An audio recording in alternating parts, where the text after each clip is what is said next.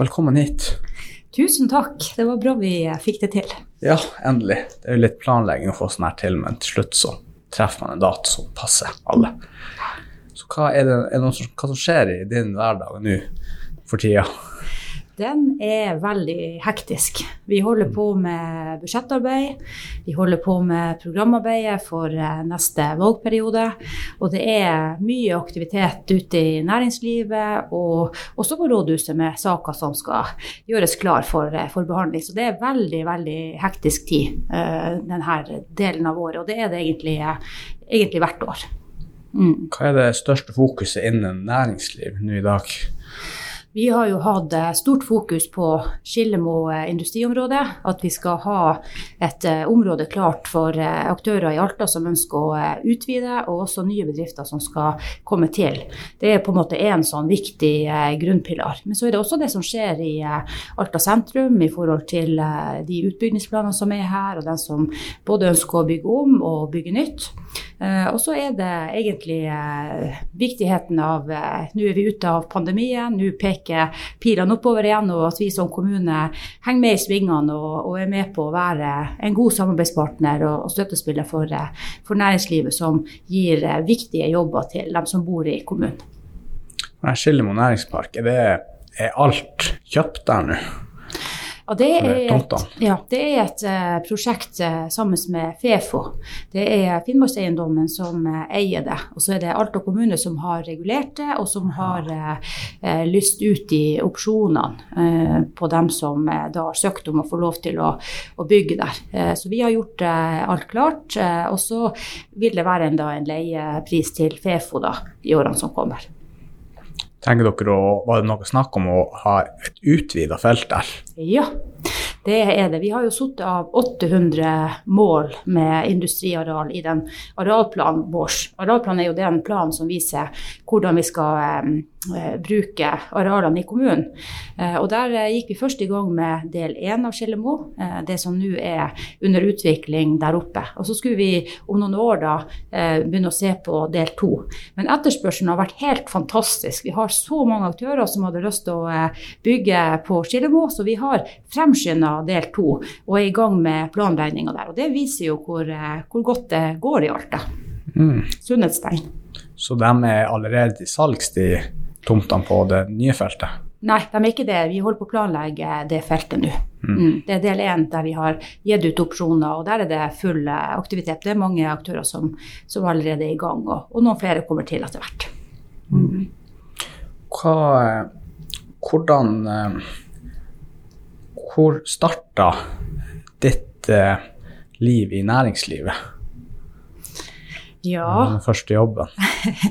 Min eh, Altså, jeg begynte Jeg var 14-15 år når jeg begynte med sommerjobb og, og, og etter hvert også eh, helgejobb eh, ved Alta skipsekspedisjon da, i sin tid. Det er en bedrift som ikke eksisterer lenger. Eh, så når jeg var 23, så ble jeg daglig leder eh, der, og var det i 14 mm. år før jeg ble politiker. Ah, ja. Så jeg kommer fra eh, privat næringsliv og, og har jobba der i, i, eh, mange år. Hva dere gjorde der i Alta skipsekspedisjon? Ja, der eh, drev vi med frakt av gods eh, i Vest-Finnmark. Vi hadde tonnvarelager for eh, Felleskjøpet, så vi hadde direkte kontakt med, med bøndene i eh, Vest-Finnmark, med unntak av eh, Karasjok. Vi, eh, jeg solgte sprengstoff, det var en av mine ansvarsområder til entreprenørnæringa. Og vi, vi drev med litt utleie av arealer og ja, levering av øl og brus i sin tid. Før det kom i butikk, så, så var det jo også et ølutsalg eh, som en del av den bedriften. Og det var jo ikke kommet øl i butikk når jeg ble daglig leder, så jeg har jo vært med på, eh, på den runden der. Og det var der også jeg starta eh, min eh, jobbkarriere da, med å, med å hjelpe til med hjelpe til der med tunggods og, og, sånne ting. Og også kosting av lager, som jeg også gjorde når jeg var 15-16 og, og hjalp til der. Så eh, vi holdt på med veldig, eh, veldig, mye forskjellig, egentlig. En veldig sånn sammensatt eh, bedrift som måtte omstille seg en rekke ganger. Ølet kom i butikk, vi hadde eh, sånn beredskapslager for Statens kornforretning som ble avvikla, måtte finne på noe annet å gjøre. Så, vi, eh, så det her med omstilling det har jeg egentlig jobba mye med også før jeg kom inn i politikken. Mm. Det, være, det er vel en ekstremt bra erfaring å ha med seg når man skal inn i politikken, at man har litt mer innsyn i hvordan næringslivet fungerer, og spesielt når man har vært i en lederrolle. Mm. Jeg ser på det som en uh, stor fordel. Og, uh, og er jo, Alta er jo en veldig næringsretta kommune. Sånn, så, uh, så, at jeg bruker mye tid på den delen av politikken, det tenker jeg er naturlig også for at jeg skal forvalte mange områder i kommunen. Men, men det med næringsliv er jo veldig viktig. Og vi er jo en kommune der 70% av arbeidsstokken jobber i privat næringsliv. Og det er nokså eh, unikt. Det er ikke mange kommuner som er i den situasjonen som vi er. Og det er jo fordi at vi har et eh, næringsliv som er foroverlent, som tør å satse, og som eh, også bruker pengene de tjener på å reinvestere lokalt. Og på, og på det så er de da med å skape nye arbeidsplasser igjen. Så det med næringsliv i Alta, det er noe av det viktige vi har. Mm. Eh, hvordan arbeider dere med å få folk til Finnmark? For som jeg skjønner det nå, så er det veldig mangel på folk og kompetanse i Finnmark, og det er mye fraflytning. Mm. Hvordan ser dere på, på, det? Ja, Det ser jeg på som den eh, største felles utfordringa i nord. Fordi vi, eh, vi, har, vi, er ikke folk nok her. Og vi har ikke mennesker nok til å fylle alle de jobbene som vi ser er mulig kan komme innenfor, eh, både, både innenfor eh, næring og innenfor industri og innenfor handel. Så eh, behovet for arbeidskraft er er utrolig viktig og vil være avgjørende. De kommunene som lykkes med det, vil lykkes med, med mye annet. Og det har jo vært sånn at vi har jo hatt en vekst i Alta i over 40 år. Altså, vi blir stadig flere, og flere flytter hit. og Det fødes rundt 250 barn i året. Eh, alt er veldig bra. Eh, men vi ser jo også at mange av den tilflytninga vi har, kommer fra kommuner rundt oss. En del av den. Og nå på en måte begynner det å bli veldig lite folk eh, i våre nabokommuner. og det, da, da, merker også vi det på, på at, det ikke, at det tømmes eh, mer rundt oss. Og så er det vanvittig viktig at det bor folk i Øksfjord og i Loppa generelt, i Kautokeino, i Masi, i Kvalsund. Eh, for hvis vi har det omlandet rundt oss, så, eh, så blir vi eh, veldig alene. Vi har, se på næringslivet i Alta. Altså, vi er handelsbyen i Finnmark. Hvis ikke, det er andre, hvis ikke det er folk rundt oss som kommer inn til oss og, og, og handler og bruker tjenestene i Nordlysbadet og går på konsert og, og sånt, så, så blir vi blir vi et fattigere samfunn, tenker jeg. Så hvordan vi skal løse det, det er et, et, et stort spørsmål. Um, og jeg tror at vi kanskje må se litt uh, lengre enn vi har uh, gjort hittil. Vi må kanskje se til uh, nye land og gjøre oss attraktive for å få folk til å flytte til Alta og til Finnmark og til Nord-Norge.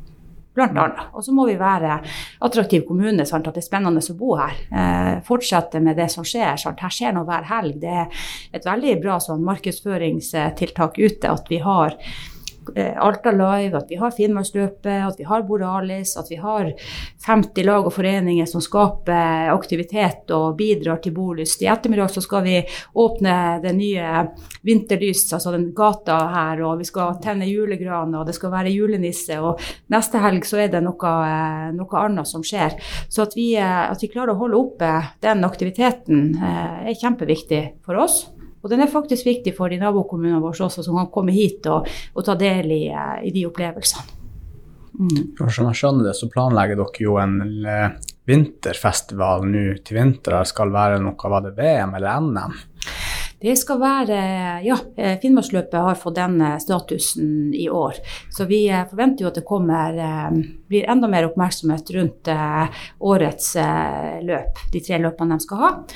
Og så gjennomfører jo da kommunen den årlige Boralis vinterfestival, som har ligget litt redusert nede de siste årene, men nå går vi all in, og det blir iskulpturer både i parken og mot katedralen. Og, og den nye lyssettinga som vi jobber med for for, som vi allerede går i gang med nå, den tror jeg kommer til å bli utrolig flott. Vi gjør noen grep i år, og så skal vi bygge den sterkere i årene som kommer. Og da handler det om å ha eh, lys og, eh, og, og eh, et vinterpynta sentrum helt fra nå av og til over eh, Borealis og Finnmarksløpet. Så vi, vi, strekker på en måte den perioden der det er den type aktivitet i Alta sentrum. Før har det på en måte vært den Borealis-uka, de ti dagene, som har vært hovedfokus. Mm. Men nå Nå vil vi at det skal være helt fra jula begynner å banke på døra, mm. sånn som nå når vi skal tenne grana allerede i dag. Så jeg har veldig tro på det å skape de gode uterommene. Altså, det, er ikke, det er ikke mørketid, det, det, er, det, er, en tid der det er masse eh,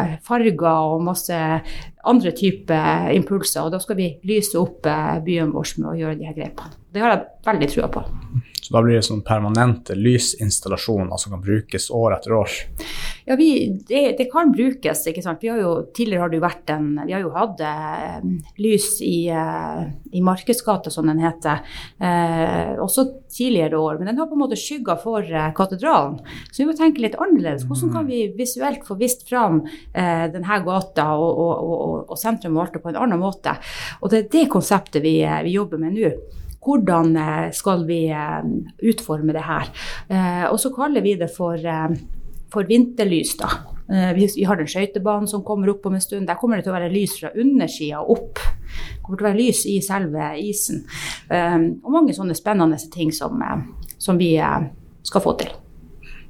Jeg syns sjøl at det er veldig spennende å se på veksten til Alta og se at de planlegger å bygge hoteller og den, her, mm. eh, den nye bydelen på Prestegårdsjord. Jeg vet ikke helt hvordan det går med det, men at det er veldig store planer for å utvikle byen videre. Så det virker som at Alta er veldig eh, vekstfokus, og at det faktisk er ting som skjer, og at det ikke er en fraflytterskommune.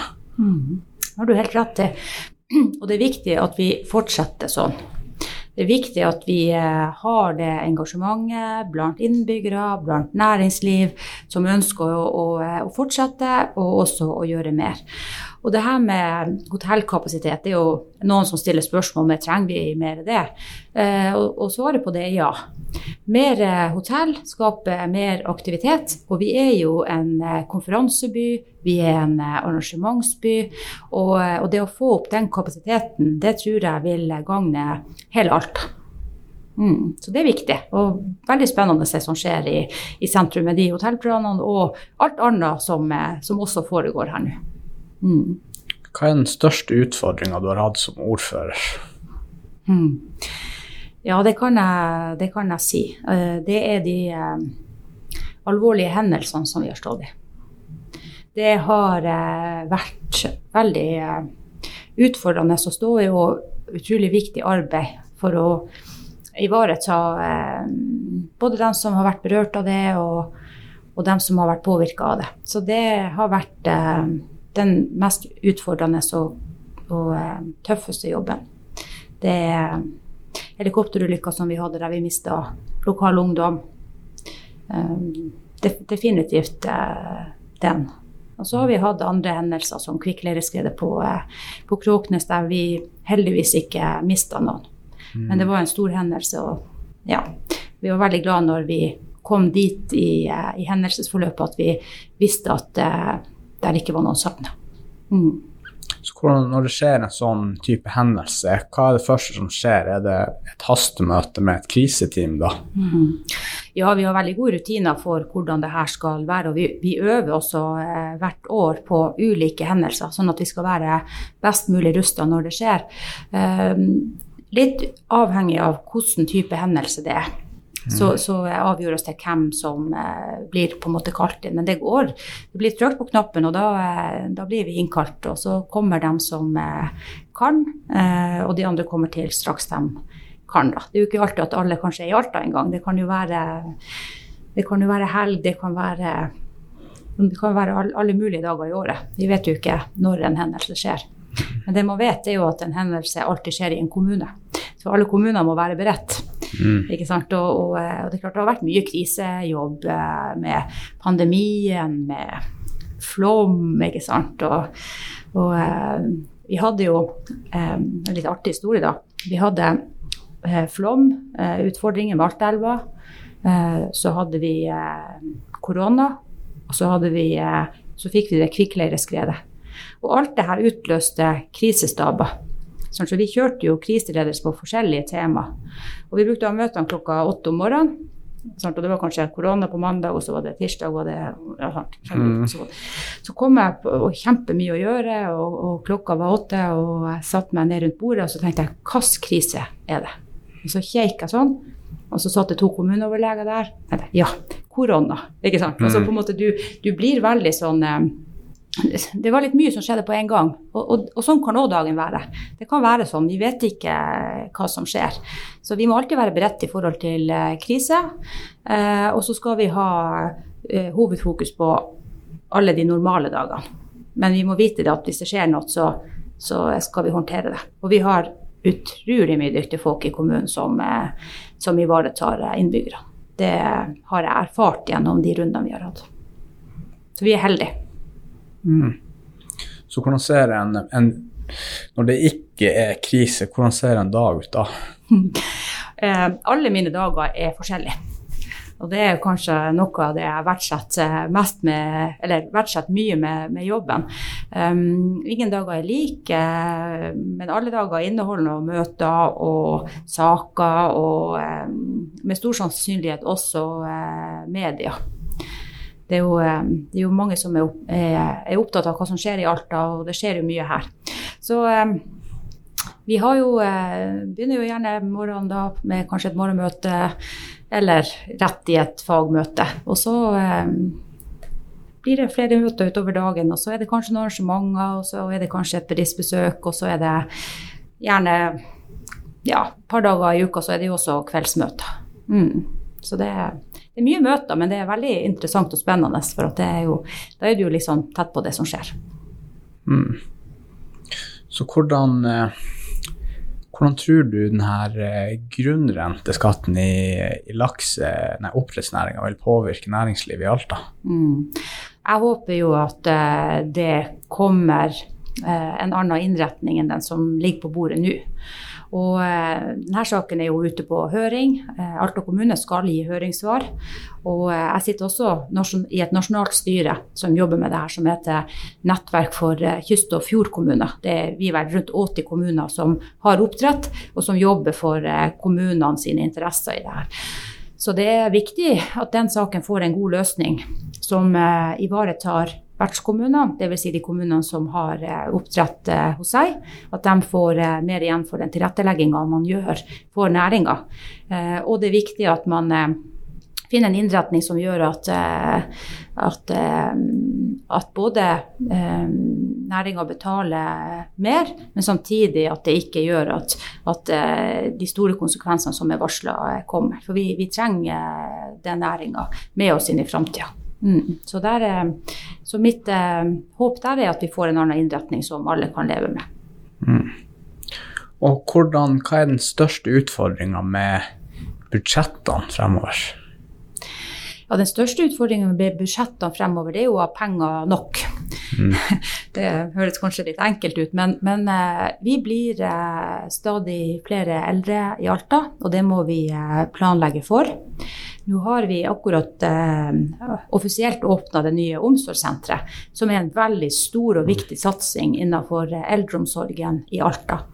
Men vi er nødt til å gjøre mer i årene som kommer eh, for å ha god omsorg og god pleie for dem som, eh, dem som trenger det. Og da, eh, da må vi se på, på helheten. Eh, og vi, vi må se på at vi bruker pengene riktig, og at vi har, kan gjøre de eh, grepene som er nødvendig. Så innenfor kommuneøkonomien så er det det å, å på en måte eh, gjøre de rette eh, prioriteringene og ha nok til de gruppene som trenger oss mest. Og så må vi jo samtidig sørge for at vi eh, for næringslivet, at vi har gode skoler, at vi eh, er attraktive, at vi skaper bolyst, at vi har penger, litt penger å bruke på kultur, ikke sant? at vi kan eh, støtte opp om, om de bra tingene som skjer. Så det er jo på en måte en sånn um, samlesak, da, egentlig. Du kan ikke bare ha fokus på én ting, du må ha det på alt. Og jeg tror jo det at det, blir, det er veldig viktig det man gjør innenfor eh, budsjettarbeid, både fra administrativt, men også fra politisk, hvor du kan legge noen føringer eh, i år fremover. Vi gjør, vi gjør noe helt nytt i år. Vi har hatt sånne fireårsplaner på, på økonomien, og nå lager vi dem til åtte år. Sant? At vi prøver på en måte å få et litt sånn lengre perspektiv. For det tar lengre tid å gjennomføre. Det tar lang tid å gjennomføre ting. Så at det skal bli litt mer forutsigbarhet i, i de tingene også, at vi kan ha litt lange tanker. Mm. Eh, Med det her Alta omsorgssenteret, er det pga. pandemien åpninga blitt utsatt nå? Ja, vi hadde jo en uh, veldig god plan før pandemien kom. Vi skulle åpne det 11. i 11. klokka 11. Ja. Og du sendte ut invitasjonene, og vi hadde på en måte begynt å jobbe med de her tingene. Så kom uh, pandemien, og vi måtte utsette, og vi så på nye tidspunkt. Nei, det gikk ikke enda. Vi måtte vente. Og det er jo fordi at uh, For det første så ønska vi jo masse en stor markering. Eh, og så er jo det her eh, Der bor det mange eldre, selvfølgelig. Eh, og det er jo en gruppe som vi skal passe ekstra godt på under pandemien, så vi måtte jo ikke utsette noen for noe.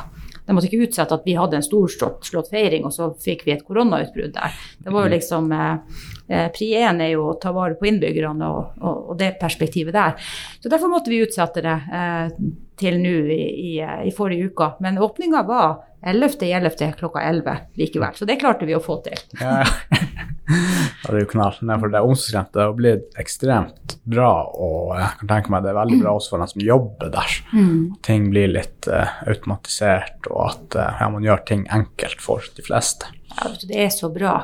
Der er nye teknologiske løsninger, det er arealer som både innbyr til uh, trivsel og til aktivitet. Og for oss så er det også et mål at det her skal være mer enn de basisoppgavene som et, et, et, omsorgssenter skal gjøre. Vi ønsker aktivitet inn der, vi ønsker at det skal være en møteplass mellom generasjoner, at, at det skal bli brukt til små konserter til arrangementer. Eh, barn kan komme dit, kanskje skoleklasser, synge litt med de eldre, snakke. Eh, ha ulike aktiviteter eh, som gjør at det blir fint å kunne samles der. Og det, bare, og, det, og det, gjelder jo både de eldre i Alta, det gjelder dem som bor der, og det gjelder på tvers av generasjoner. Så det har jeg veldig tro på at vi skal, at vi skal få til. Så vi, eh, vi har mange gode planer for, eh, for alt omsorgssenter. Og da kan man, de som bor der, kan velge. Vil de være med på det her i dag? Eller mm. der, der, er, så stor plass og, og sånt at man, man kan velge eh, om, man, om, man, vil delta eller ikke.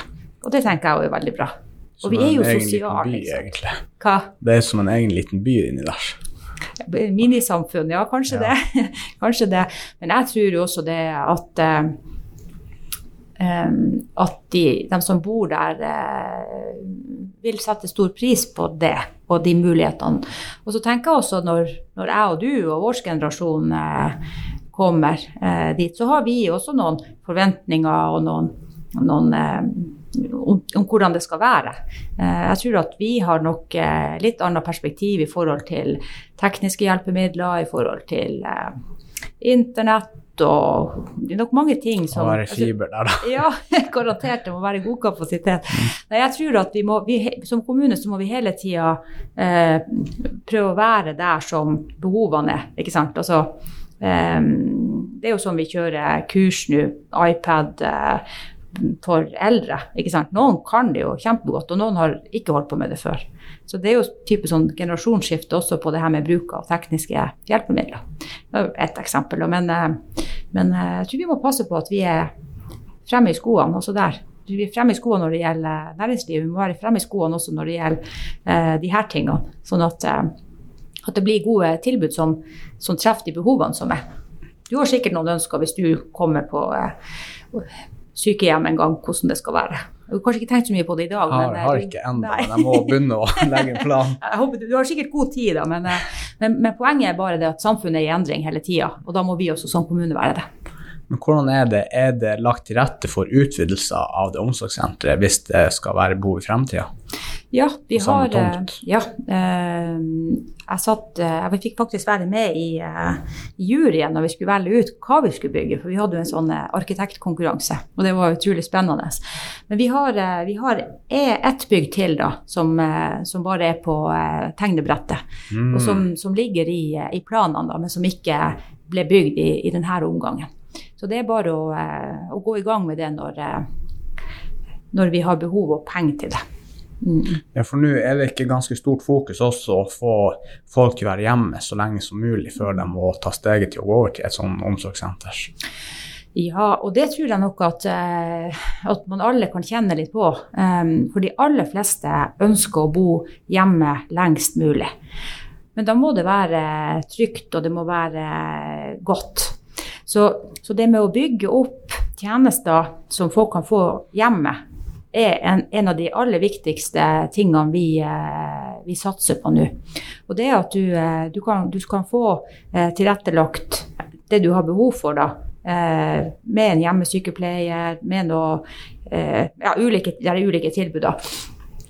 Og det er jo for å kunne gjøre den, den bosituasjonen hjemme trygg og god, og at de føler trygghet på det. Så at de ikke føler seg utrygge.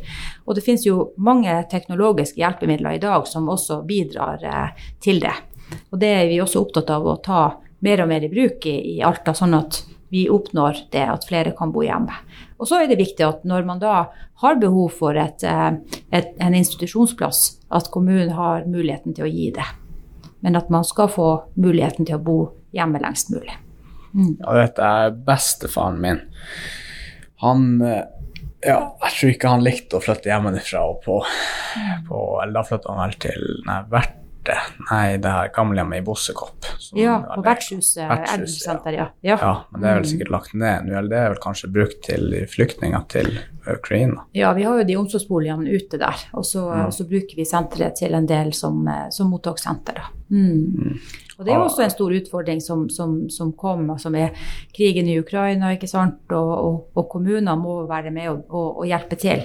Så um, det var viktig for oss å kunne uh, bruke vertshuset da, til et sånt uh, mottakssenter, at vi på en måte får gjort den gode jobben med, som, skal, som skal gjøres før de skal uh, ut i egne boliger og sånt. Mm. Hvor mange har vi fått inn i Alta fra Ukraina, egentlig? Vi gjorde et vedtak på at vi skulle ta imot 200 eh, flyktninger i år. Mm. Eh, og der er jo noen fra andre land òg, selvfølgelig. Og jeg fikk, eh, fikk tallene nå eh, for to dager siden, og vi hadde fått 201.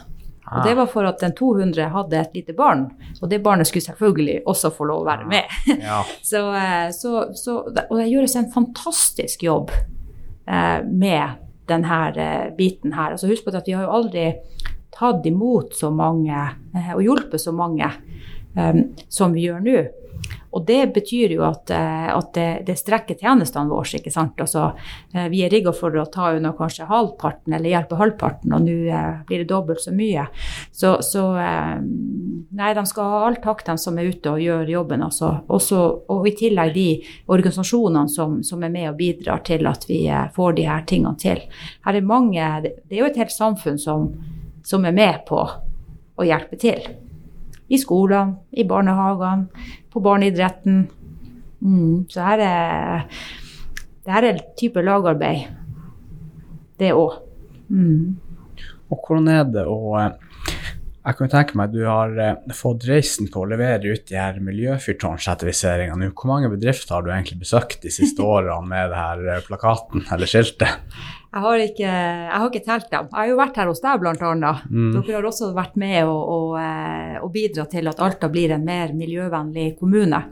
Jeg bruker å si at det er ikke noe vi kan vedta politisk at vi skal være. Hvis ikke vi har innbyggere og, og næringslivet med, så, eh, så, beveger vi oss ikke på det området.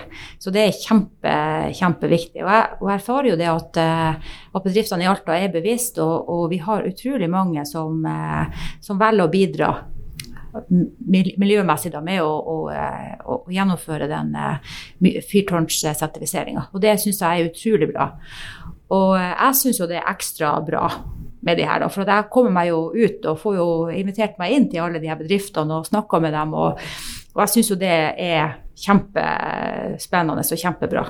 Og kanskje litt for at jeg kommer fra privat næringsliv og at jeg kjenner litt på den stemninga som er rundt i bedriftene. Og, og, kanskje særlig under pandemien så syns jeg det var eh, ekstra godt å komme ut og høre hvordan har dere det, og hvordan går det, og hva ja, eh, hvilke behov er det dere har da egentlig. Og nå går jo nå er det jo full fart opp igjen for alle, og da er det jo òg ekstra fint å være ute og høre at det, at det går bra, og få bli bedre kjent med det fantastiske næringslivet vi har. Så bare, bare fortsett, alle andre som ikke er der ennå. Det, det er verdt det. Kan kommuner miljøfyrtårnsertifisere seg? Ja, jeg tror faktisk det. Og vi har jo vært inne på tanken om vi skal eh, se på om det er noen avdelinger eller noe sånt som kan, eh, kan, gjøre, kan gjøre, det. Mm, men jeg har, ikke, jeg har, ikke, sett noen bilder av noen kommuner ennå. Det har jeg ikke. Mm. Nei, det er jo veldig bra at bedrifter har et litt mer miljøvennlig perspektiv fremover, og det er jo veldig i fokus. Men hvordan eh, Nå er det foreslått en ny sånn grunnrenteskatt på vindparker også. Hvordan vil det påvirke det grønne skiftet? Det er jo en stor uh, bekymring uh, hos mange. Vi, vi, er jo der at vi har en del vindkraftanlegg i Finnmark, men det er jo eid av av kraftlagene, og, og, kommunene er jo på en måte inne i de her selskapene under der. Så, så jeg syns jo det er litt forskjell på enkelte vindkraftanlegg sørafor og de som er her oppe så, så blir den næringa skatta veldig hardt, og de, den innretninga ikke treffer dem, så kan vi jo risikere eh, at vi ikke får nok utbygd kraft for å møte det grønne, det grønne skiftet. Vi har jo eh, en del eh, anlegg som kan bygges ut, bl.a. Men eh, det trenger at vi får den der 420 på plass til Øst-Finnmark. Så, så, alt henger jo sammen. Eh, og det her er jo en næring som har på en måte vært eh, fått subsidier, på en måte kommet opp, og, og nå skal på en måte gå litt sånn for egen maskin etter hvert. Og det, Da er det jo viktig at ikke de skatter så hardt at, eh, at de ikke vil investere. Det henger jo i hop, de her tingene. Men det er jo òg en sak som er ute på høring, så der er jo ikke siste ord sagt hvordan det blir. Og denne kraftlinja er det 420 kV som skal til Øst-Finnmark. Er, er, ikke det noe som har vært snakka om i, i masse år? Men hvem som egentlig har ansvaret for å få det gjennom? Er det mm. regjeringa, eller det, det er en det, det, er jo litt sånn sammensatt, ja. Det er litt sånn uh, sammensatt det der. Det er, altså Statnett er jo en aktør her som på en måte uh, igangsetter. Uh, men samtidig må det jo være penger da fra, fra, fra Stortinget da for å, å, gjennomføre de her tingene. Så, så det henger litt i, litt i hop, det der. Men jeg, jeg, veldig, jeg deler den bekymringa som eh, Øst-Finnmark har i forhold til at den linja ikke kommer på plass ennå. Eh, fordi at de har aktører som ønsker å drive med batteri, med ammoniakk, eh, møte det grønne skiftet. Og da trenger man kraft for å, å få i gang de her prosjektene. Og, og Utfordringa er jo at vi har for lite kraft også i Finnmark. Altså, man kommer ikke i gang med de tingene som som hadde vært viktig å få i gang. Eh, og vi har jo vært veldig heldige her oppe i nord da, eh, under den strømkrisa som har vært, at vi har vært forskåna for det. Eh, men samtidig så, så, har vi behov for å ha kraft for å kunne utvikle næringslivet, skape flere jobber og ta del i, i alt det som skjer. Det må ikke være sånn at, at det er kraftsituasjonen som skal gjøre at bedrifter ikke etablerer seg i Finnmark. Da tenker jeg at det er meget, meget uh, alvorlig. Og vi er på full fart dit hvis, vi ikke, hvis det ikke blir tatt noen uh, tøffe og harde grep fra uh, beslutningstakere som sitter høyere oppe i systemet enn oss. Så hvis, nu, hvis jeg var daglig leder for en bedrift som skulle starte et datasenter på Skillemo næringspark, mm. som måtte ta ekstremt mye kraft, er det realistisk i dag? Altså, sånn som det er nå, så, så, er ikke det kraft nok til å etablere mange sånne type bedrifter. Og vi må gjøre prioriteringer, eller kraftlagene gjør prioriteringer da, eh, i forhold til eh, hvem som eh, får. Og nå er det sånn at den krafta som er tilgjengelig, den er reservert. Og, reservert betyr at når du går i gang med å planlegge et prosjekt, så kan du eh, søke om å få reservert tilgjengelig kraft, da, du da, at det er litt forutsigbarhet i forhold til det du skal eh, det du jobber med for å få realisert. Og nå ved, ved søknader om eh, kraftkrevende industri, så, så, er det ikke mulighet til å prioritere det, rett og slett. Og Derfor er det jo viktig at vi både prioriterer riktig, men også får bygd mer kraft. Og jeg mener jo at det bør en ny 420 fra Balsfjord opp eh, Alta og videre i tillegg til den 420 til Øst-Finnmark. Men 420 eh, Øst-Finnmark ligger jo fremst i køen. Mm. Og det er jo òg riktig. Mm. Men uh, vi må ha nok kraft. Mm. Så får vi, får vi, mer kraft hvis denne linja til Øst-Finnmark blir laga, eller må vi hente kraft sørfra for å få mer kraft til å lage ny industri som er veldig kraftkrevende? Altså man må, på en måte, eh, Utfordringa med de her linjene det er jo at det tar så lang tid å bygge dem. Altså Vi må jo tenke 10-20 år fram derfra fra hvor vi er nå. Eh, og situasjonen er jo sånn at eh, sånn som de her eh, vindmølleanleggene i Havøysund eh, og, og, også det andre i Øst-Finnmark, de kan produsere mer, men de trenger linjer for å sende den ut. Da. sant, Så ja. det går egentlig begge veier. Eh, så, så det der med kraft er jo utrolig komplisert eh, område, men, men jeg tenker det at eh, vi kan ikke bare si at det er komplisert og vanskelig og dyrt. Vi må eh, ha en plan på de her tingene. Eller myndighetene må ha en plan på de her tingene, sånn at vi sikrer at, at eh, næringsutviklinga ikke stopper opp, og at man ikke elektrifiserer sokkelen f.eks. på bekostning av eh, industriarbeidsplasser, som er arbeid til folk. Det må vi aldri risikere at skjer. Og Derfor har jeg vært veldig tydelig i den saken og, og, eh, og jobba mye med den, at vi må ikke la elektrifiseringa gå på bekostning av nærings- og næringsutviklinga i, eh, i Finnmark generelt. Da. Man må ha en nasjonal plan på de her tingene. Mm. Har, kan atomkraftverk være en av del av løsninga? Atomkraftverk blir jo brukt i eh, en del land, eh, og det skaper jo og produserer jo også eh, energi. Og den debatten har jo begynt å melde seg litt sånn på om det er noe som Norge også bør se på, men det ligger nok et stykke fram i tid hvis man velger å gå til det skrittet, da. Mm. Det var litt sånn frykt etter alle de her Snowbill og eh, ja, det er mye negativitet som er relatert til det. Ja, og Norge har jo prioritert vannkraft og vindkraft og, og den type ting. Og så har du jo den tredje pilaren da innenfor det her som er havvind, som også er på en måte på tur opp. Men vi er jo ikke der i Finnmark nå at vi, vi har eh, noe sånne store initiativ på de tingene. Men det er jo også noe som, som eh, jeg tror vi vil se mer av i Norge i årene som kommer. Det her med havvind. Og det er jo også noe regjeringa har sagt at de skal, eh, skal satse på. For å skape mer energi.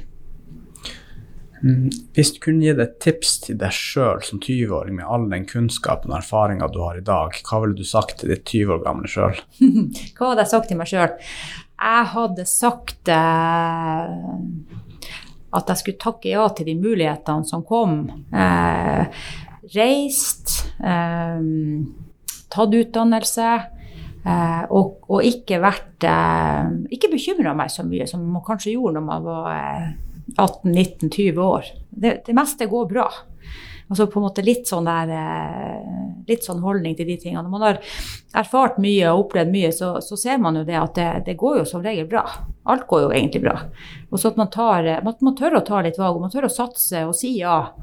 Eh, hvis noen kommer og, og, eh, og vil ha um, ha, ha, ha, ha med på noe, ja, om det er en bedrift eller om det er et, la oss si at det er en forretningsidé. Og, ja, hvorfor ikke prøve? Så si litt mer sånn, vær litt eh, Si mer ja i forhold til det som kanskje virker litt eh, skummelt. Sånn. Og tørre å satse. Mm. Hvordan var den første dagen som ordfører? Hvordan føltes det? Det var en eh, litt eh, merkelig følelse. Altså, man hadde jo jobba så intenst da, i mange, mange, mange måneder med det målet om at, eh, at mitt parti og, og dem vi samarbeider med, skulle, skulle, få lov til å være med og, og forme Alta og være eh, i ledelsen. Og, eh, og, og, det er liksom sånn, det, Du jobber mot et mål, og så kommer den dagen der, så, så blir det veldig sånn eh, det blir spesielt høytidelig å gå inn på eh, kontoret for første gang. Og, og der var en datamaskin, og der var noe sånne her, ting du kunne putte ark i, og der var pennholder. Og så var det jo ikke noe mer. Ikke altså, du, du, kom jo til et helt blankt kontor. Og så var det liksom bare å finne ut av hva, hva nå? Så mm. eh, da var det å begynne å eh, samle litt de folkene som jeg skulle jobbe sammen med, og, og begynne å planlegge hvordan hvilken struktur vi skulle ha på, eh, på jobbinga. Med når skal vi ha ledermøter, hvordan skal vi legge det opp, og hva trenger vi av informasjon for å komme godt i gang. Og, og så gikk det vel bare, gikk vel bare en eh, time eller to eller noe sånt etter at jeg var blitt voksen som ordfører, så fikk jeg beskjed om at jeg skulle til Bodø. Mm. Ja, for da skulle jeg på scenen i Bodø på en konferanse og, og fortelle og prate litt om, eh, om det og at det hadde vært eh, skifte, og, og hva, hva, man så for seg fremover. Så eh, det var veldig fort gjort og rett inn i jobben og rett på reise. Og, ja, og så hjem igjen og rett opp armene og fortsette å jobbe. Mm. Er det mye reising involvert? I perioder, ja. Um, Nå er det en litt rolig periode på reising, uh, men sånn må det også være. For vi holder på med budsjett, vi holder på med uh, mange ting som skal være klart før årsskiftet. Men i perioder så er det mye. Jeg starta etter sommerferien med reising til Mo i Rana, Trondheim, Arendal og Havøysund. Ja, så det var liksom én reise hver uke, da. Men jeg hadde jo da tid på kontoret noen av de dagene i, i, hver uke, da, for å si det sånn. Så i perioder så er det mye. Eh, men jeg mener jo det at eh, vi skal ta med oss det vi har lært under pandemien. Det er ikke alle reisene vi trenger å ta. Det er fortsatt mye vi kan løse på Teams.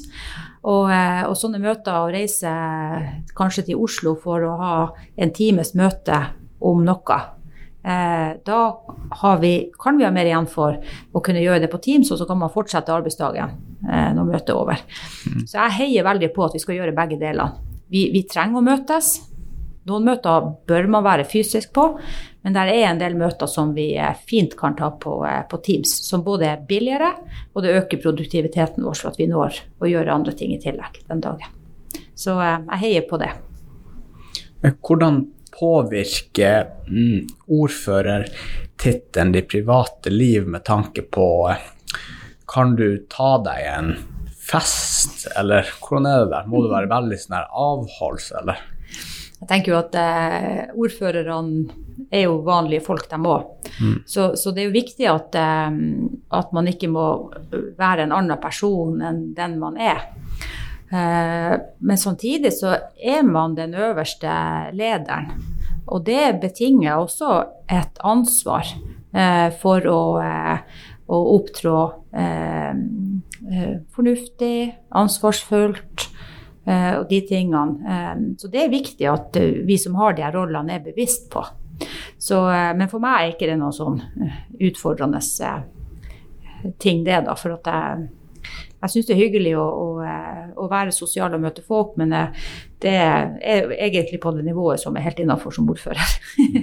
så det er ikke noe det For meg er det ikke en utfordring. Men, men jeg vet jo at, eh, at, det er noen som syns det litt kan være krevende at, at man ikke bare kan være Monica ikke sant, i, i setting. At noen, noen, ser på deg alltid som ordfører, selv om du er kanskje i en 50-årslag eller du er ja, så blir det ofte mye snakk om arbeid og reguleringsplaner og takvinkler og sånne ting som mm, sant, ja. kanskje ikke hørte hjemme klokka 23.30. Ja. ja men det er jo sånn. Og, og, men så tenker jeg også at eh, de vil ta det opp for at de har muligheten til det. Ikke sant? Mm. Sånn, de vet kanskje ikke hvem man skal spørre, man har en frustrasjon. Kanskje kan jeg hjelpe dem. Sant? At det, det er et eller annet som har låst seg i systemet. Så, så eh, det blir jo sånn både òg, da. Mm. Ja, du liksom, eksempel, Når man endelig har fri, så vil man jo kanskje ikke tenke på, på jobb sånn helt egentlig. Det å være ordfører det er en livsstil. Altså, du, mm. Det er ikke en eh, åtte til fire-jobb. Altså, du er jo det hele tida, egentlig. Men så er det å finne den balansegangen at du setter av tid til venner, trening, ferie. At, er, at man er flink på å, å gjøre det òg, ikke sant. Så det, det er i hvert fall min erfaring. Jeg jobber det, gikk litt, det gikk noen, noen, år før jeg kanskje ble mer bevisst på de tingene. Mm. Man må egentlig ha en balanse ja. i livet. Mm. Har du noen eller Når du har fritid, hva du liker å gjøre da? Jeg liker å være med familien min. Jeg har jo to barn. Uh, en sønn på 19 og en datter som blir 23 i dag. Ja, gratulerer med ja. dagen til henne. Så, uh, så, hvis jeg har det Og hun, hun, bor i Tromsø, da, går på skole der. Så um, gjerne ta meg en tur til Tromsø og besøke henne hvis jeg har mulighet til det. Uh, jeg liker å prøve å komme meg på håndballkampen til gutten når han spiller kamp. Og besøke venner. Trene har vi nylig begynt med igjen. Det er jo noe som gjerne blir uh, flytta på og flytta på. Eh, og så liker jeg jo å se serier. Altså, jeg kan gjerne sette på en serie på fredagskvelden og bare koble ut alt. Det syns jeg er litt mm. deilig. Mm. Så eh, jeg er nok som alle andre, egentlig. Eh, prøv å komme meg en tur. Vi har hytte i Kautokeino, og dit prøver jeg å komme meg en tur på høsten. Ah. Ja, så regel så er det noe fredag eller lørdag i jobben som gjør at man ikke kan dra dit en helg. Og det blir liksom bare for en natt, det gjør man ikke, men ja, prøve å låse av en sånn langhelg på høsten. Det er fritid for meg. Da drar jeg og søstera mi og, og ungene dit, da. Og er på hyttetur. Det er viktig. Jeg kan tenke meg det er fint å bare komme seg unna alt. Liksom, for du snakker sikkert ekstremt mye i din arbeidshverdag, og da blir det sånn når det kommer helg, så har man nesten bare lyst til å spike seg inn i, huset og ikke snakke noe. bare. Nei, jeg vet ikke hva, jeg er ikke sånn. Jeg vet ikke hva, jeg tror at eh, jeg er en veldig sosial person. Så hvis jeg hadde måttet spikre meg inn en hel helg, så tror jeg at jeg hadde gått klort hull i veggen. det tror jeg, det, og det merka vi under, under pandemien. Da ble det jo veldig rolig. Sant? Mm. Så da var det jo eh, ja, Så det, det, trivdes jeg ikke med. Jeg trives med full fart og, og eh, mye snakk. Ja, det er bedre at det er full fart enn at man sitter hjemme og klør seg i hodet og mm. blir gal av at man ikke kan sosialisere seg. Mm. Og vi har jo så mye spennende som skjer her, så det er jo på en måte eh, viktig å, å, prøve å få med seg litt av de tingene som, eh, som foregår tors, neste torsdag så skal jeg på Bilal sin julekonsert, f.eks. Det er jo mm. Jeg er veldig glad i musikk og glad i konserter. Og Violet Road kommer jo en tur i februar-mars. Så eh, prøv å liksom luke ut de, her, de tingene man, man, man, har veldig lyst til, og prøve å holde den fri den kvelden, sånn at man kan gjøre det. Bare sette det i kalenderen tidlig. Ja, planlegge. God planlegging. Mm. Hvordan er det? Eh, har du noe du ønsker å promotere? Hva som helst. Hva du tenker på da? Sånn, noe på fritida, noe med jobben, eh, mm. noe frivillige. Mm. Hva som helst. Eller har du en bok du skal skrive som du skal publisere? Nei, jeg har ikke begynt å skrive bok. Det har jeg ikke. Um, jeg tenker egentlig at um, det skjer utrolig mye i Alta, men det skjer ikke av seg sjøl. Altså, hvis ikke vi har eh, dedikerte folk som stiller opp som trenere, og som eh, organiserer Kjører hjem mat til eldre, de som stiller opp eh, av pensjonistene i Alta. Eh, matsentralen som gjør en jobb for dem som virkelig trenger det. Den, den tjenesten som de eh, leverer. Eh, hvis ikke vi støtter opp om kultur og idrett og tar del i alt det her, så, så, så hadde vi vært en veldig fattig kommune. Så, så, jeg tenker det at, um, at hvis noe man skal promotere, så er det på en måte alle dem som er med og gjør Alta så bra. Uh, og takke alle som, som, stiller opp i samfunnet. Det er ikke sånn overalt. Det store, den store dugnadsånden, det engasjementet. Um, det er så utrolig viktig, og det er jo, er jo med på å bidra til at vi trives så godt her som vi er. Og at vi kan gjøre alt. Og at ungene våre kan gjøre alt. De har jo valgmuligheter en masse ikke sant, i forhold til fritid og i forhold til også utdanning. Så eh, Nei, noe bok tror jeg ikke. Men, eh, men hvis jeg kan benytte anledninga bare å takke, takke, alle som eh, bidrar til at Alta er en så god kommune å bo i, så benytter jeg meg av muligheten til å si akkurat det. Ja, det er jo egentlig en perfekt avslutning på podkasten.